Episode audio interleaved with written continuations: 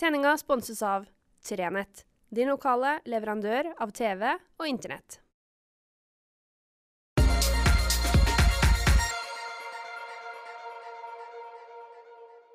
Sendinga sponses av Trenett, din lokale leverandør av TV og Internett. Riktig god fredag. Da jeg begynte med de her fredagspratene, så var det fordi at jeg, under et seminar på jobben så var det noen som sa det at eh, Kjetil, du er jo i en posisjon der du kan gå ut og framsnakke folk. Der du kan fortelle om ting du syns er bra. Og så har jeg huska på det noen gang, men så har jeg òg noen gang sklidd litt ut i litt kjefting og smelling på politikere og, og andre. Og enkelte ganger sikkert fløyet langt av gårde i tankeretningen. Men i dag, i dag, mine damer og herrer, i dag har jeg tenkt å framsnakke en gjeng hardtarbeidende sjeler som står på, og som sto på i halvannet døgn på tamp. Eh, og som gjorde alt som sto i deres makt for å sørge for at så mange som mulig kom over Lyngenfjorden så raskt som mulig. Jeg tenker på eh, damer og herrer eh, på og om bord og tilknytta Bjørklis fergerederi på Lyngseidet. Fantastisk innsats. Eh, det er veldig lett å glemme at det her er folk.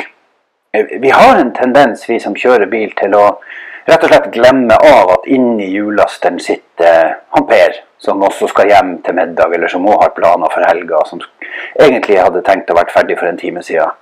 Eller eh, hun Åse, som eh, står og gjør sitt for at ting skal flyte av gårde, enten det er noe her eller der. Sånn er det også på fergen. Det er folk som står der, som står og tar imot oss, og som geleider oss inn og ut av køer, som tar imot eh, penger, enten noe digitalt eller det er slik eller sånn, og som dessverre tar imot masse kjeft. For vi har en tendens til å bli forferdelig utålmodig. Når du står der i kø, og det her kjenner jeg godt på sjøl mange ganger, så er det sånn at å, der kommer han sigende, men det var jo ikke hans tur. Og så blir du mer og mer morsk, og så kommer den mørke regnskyen med lyn og torden over hodet på deg, sånn som det var i Donald-bladene, og så blir man mer og mer grim i hu. Det er jo ingen vits. Det er jo ikke så horns mye. Det er som på fotballbanen. Jeg, mange ganger, jeg, jeg ser litt fotball. Jeg er ikke sånn super, men jeg ser litt fotball. Og det er noen ganger jeg tenker, når dommeren har pekt på straffemerket, eller holder opp det røde kortet, og du ser liksom alle stormer til, og det er voldsomt, hva, hva tror de? Tror de at han kommer til å si Nei, vet du hva, jeg tok jo feil. Beklager. Nei da, det var ikke straffe. Nei, tar, det er riktig det. Du skulle selvfølgelig, du er en sånn hyggelig fyr i utgangspunktet at du skulle jo ikke hatt rødt. Og det er litt sånn nå, når vi kjefter og smeller og turer og dundrer av gårde, tror vi innerst inne at vi da kommer et steg lenger fram i fergekøa. Neppe. Så tusen takk til eh, gutter og jenter, kvinner og menn som sto på i halvannet døgn. Du verden, tenk ferga gikk altså kontinuerlig, mer eller mindre, fra Kjempestein dundra ned på Falsnes og til man hadde fått åpna opp. Eh, Og etter det, selv etter det, så var det ikke sånn at ferga la seg i båsen på Lyngsøy og sa nei, nå er det kveld, og dere som står her får nå bare stå. Nei da, da fortsatte karene og damen å gå på Lyngenfjorden til de hadde tatt unna den siste karen som sto i kø. Det er ganske imponerende og en, noe vi skal rette en stor takk til. Og så registrerer jeg, og jeg har tenkt tanken sjøl òg, at man eh, nå tenker litt på hva skjer når eh, det nå blir ei elektrisk ferge og et rederi som ikke er lokalt. Og jeg håper de nye driverne på, eh, på Lyngenfjorden eh, har det samme gutset og den samme stå-på-viljen. Nå vet jeg at veldig mange av dem som er på fergen, skal over i det nye selskapet, for all del. Og det er de samme folkene. Men det er klart, det skal sitte noen på lønn som sier at dere skal bare gå. Ikke tenk på pengene, bare dur av gårde. Vi ordner alt i ettertid. Det er det han Kjell Mikael Bjørkli gjorde. Han sa 'gå, gutta og jenter'. Så skal vi ordne opp i det her etterpå. Og sånn håper jeg de nye driverne òg tenker. Og så håper jeg inderlig eh, vi ikke får en situasjon der eh, det ramler ned en stein eller et jordskred eller noe sånt på Falsnes, og Lyngenferga begynner å gå, og etter to timer så sier mannskapet at nei, nå, nå må vi ligge i tre timer fordi vi må lade batteriene. Det er nemlig en litt skummel effekt av å elektrifisere det sambandet. Jeg håper at man har en backup-plan. At man har et eller annet som ligger klart en eller annen plass for å jumpe inn og gå inn. For hvis ikke, hvis ikke, så er det full stopp på Lyngefjorden. da, og det kommer til å komme propper en eller annen plass langs med E6 ifra Oteren og til Kvænangsfjellet eller til Langfjorden til Alteie. Det kommer en propp en gang som gjør at vi må ha Lyngenferga gående. Og da, da, mine damer og herrer, er det viktig at den ferga både er kapabel til det, og ikke minst er i stand til å ha mannskap og, og et rederi i ryggen som bare hiver seg rundt. Så denne gangen en stor, stor takk til, eh, til Bjørklis fergerederi, som holdt eh, ja, ikke hjulene i gang, men propellen snurrende i time etter time etter time. Og lasta og stabla og stabla og lasta og lasta og stabla. En eh, stor innsats. Og så selvfølgelig til alle andre som har vært involvert i denne greia på Falsnes. Jeg håper vi nå klarer å få pressa gjennom, bokstavelig talt, enda en tunnel eller et rasesikrings, uh, en rassikringsordning for det området. For det er helt klart at vi trenger å få sikra enda mer av de rasutsatte veiene våre. Så det er sånn at E6-en vår ligger oppunder ganske mye fjell. Noe av de verste har vi tatt. Vi har fått unna Nordnes, takk og lov. Eh, og det er bare å se, Vi hadde faktisk eh, hatt stengt E6 for ei ukes tid siden hvis ikke Nordnestunnelen hadde vært bygd. For det ramla ned store steiner på gammel E6-en eh, forrige uke. Og Da hadde vi hatt samme situasjon som ved Falsnes bare noen dager før. Og Da kan vi jo bare tenke oss, Først ramler det ned på, på Nordnes, og så går det noen dager, og så ramler det ned på, på Falsnes. Det er det som er situasjonen vår. Nå er altså Nordnes sikra, og vi må få fiksa det neste. Vi må få ordna Kåfjordbergene. Vi har ganske mye igjen. Og så registrerer jeg i, i, statsbudsjettet at man sier at man skal i gang med, med Kvænangsfjellet, og det er vel og bra. Nå ligger jo det inne hos uh, Nye Veier at det skal i gang, så, så det er jo som forventa. Men dog, da kan vi kanskje få unna den flaskehalsen som Kvænangsfjellet er.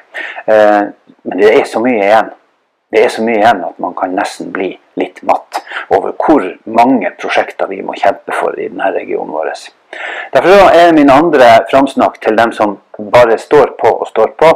Uh, der er politikere som senest i går var i sving i fylkestinget for å sørge for at man ikke legge bort tunnelplanene på Arnøya. Og Det er kjempeviktig at man ikke legger bort tunnelplanene på Arnøya. At man kjemper videre.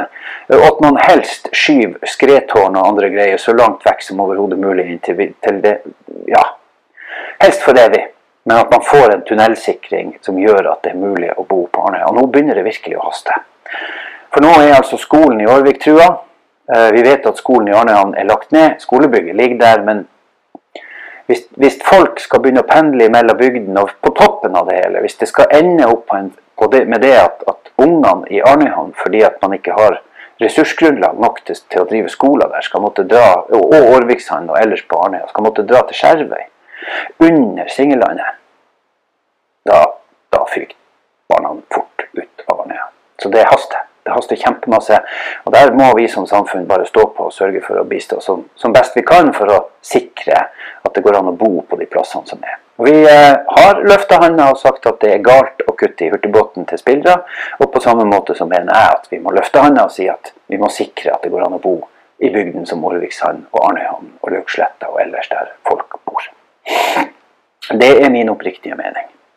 Jeg tenkte jeg skulle runde litt av i dag med eh, Vi satt på, på kafferommet og drøfta normalitet. For hva er det egentlig som er normalen i dag? Vi er jo da i ferd med å eh, få en ny fase på korona.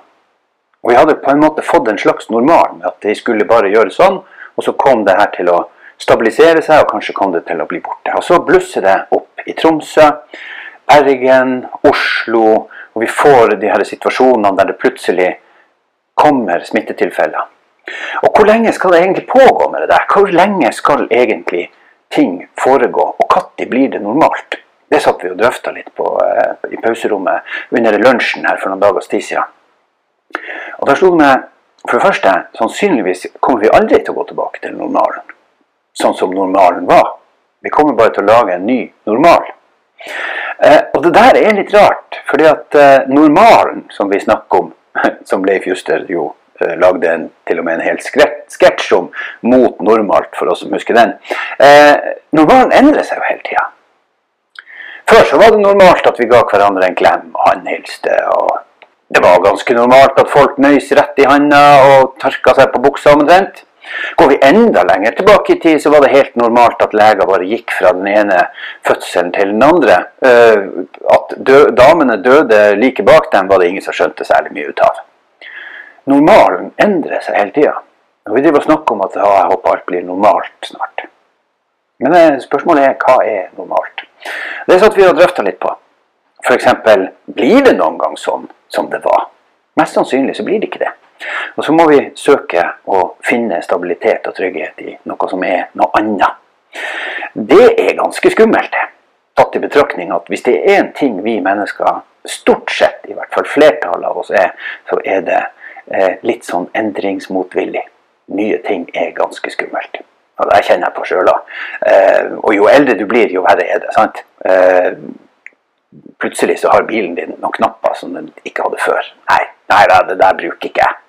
Og sønnen min kan finne på å bruke det hele tida, men nei da, jeg har ikke bruk for det. Jeg kjører bare sånn som det var før. Nei da. Trenger ikke sånn adaptiv cruisekontroll. Nei da. Nei, ABS-bremse, vet du. Farlige greier. Du får jo aldri helt kontroll på det. Ting endrer seg. Og plutselig så er det noe annet som er det helt normale. Det er, noe, det er litt rart det der, hvordan vi endrer forutsetningene og tankegodset vårt eh, i takt med å skape normalitet. Så eh, hva som er normalt, og hva som blir normalt, det vil tida vise. Jeg håper i hvert fall at ting blir stabilt. At vi snart også kan begynne å gi hverandre en klem. For det savner jeg. Jeg savner å møte folk som jeg har savna, som er ja, familie og venner. Som er, kommer fra kanskje en annen bygd en annen plass, og som bare du reker på. Og som du kjenner at 'Å, det hadde vært så godt å gi deg en klem'. Og så er det den derre Det håper vi kommer over snart. Så håper jeg at du får ei fantastisk god helg. Jeg håper du, uh, uansett hva du skal finne på, kan nyte det, slappe av, ta det med ro. Og så henstilte jeg forrige fredag om at man bruker refleks, og at vi som kjører bil, at vi tilpasser farta og holder litt øye med framme, godt framme, og ser om det er noe som lyser og blinker. At vi ikke får noen stygge situasjoner. Det håper jeg virkelig.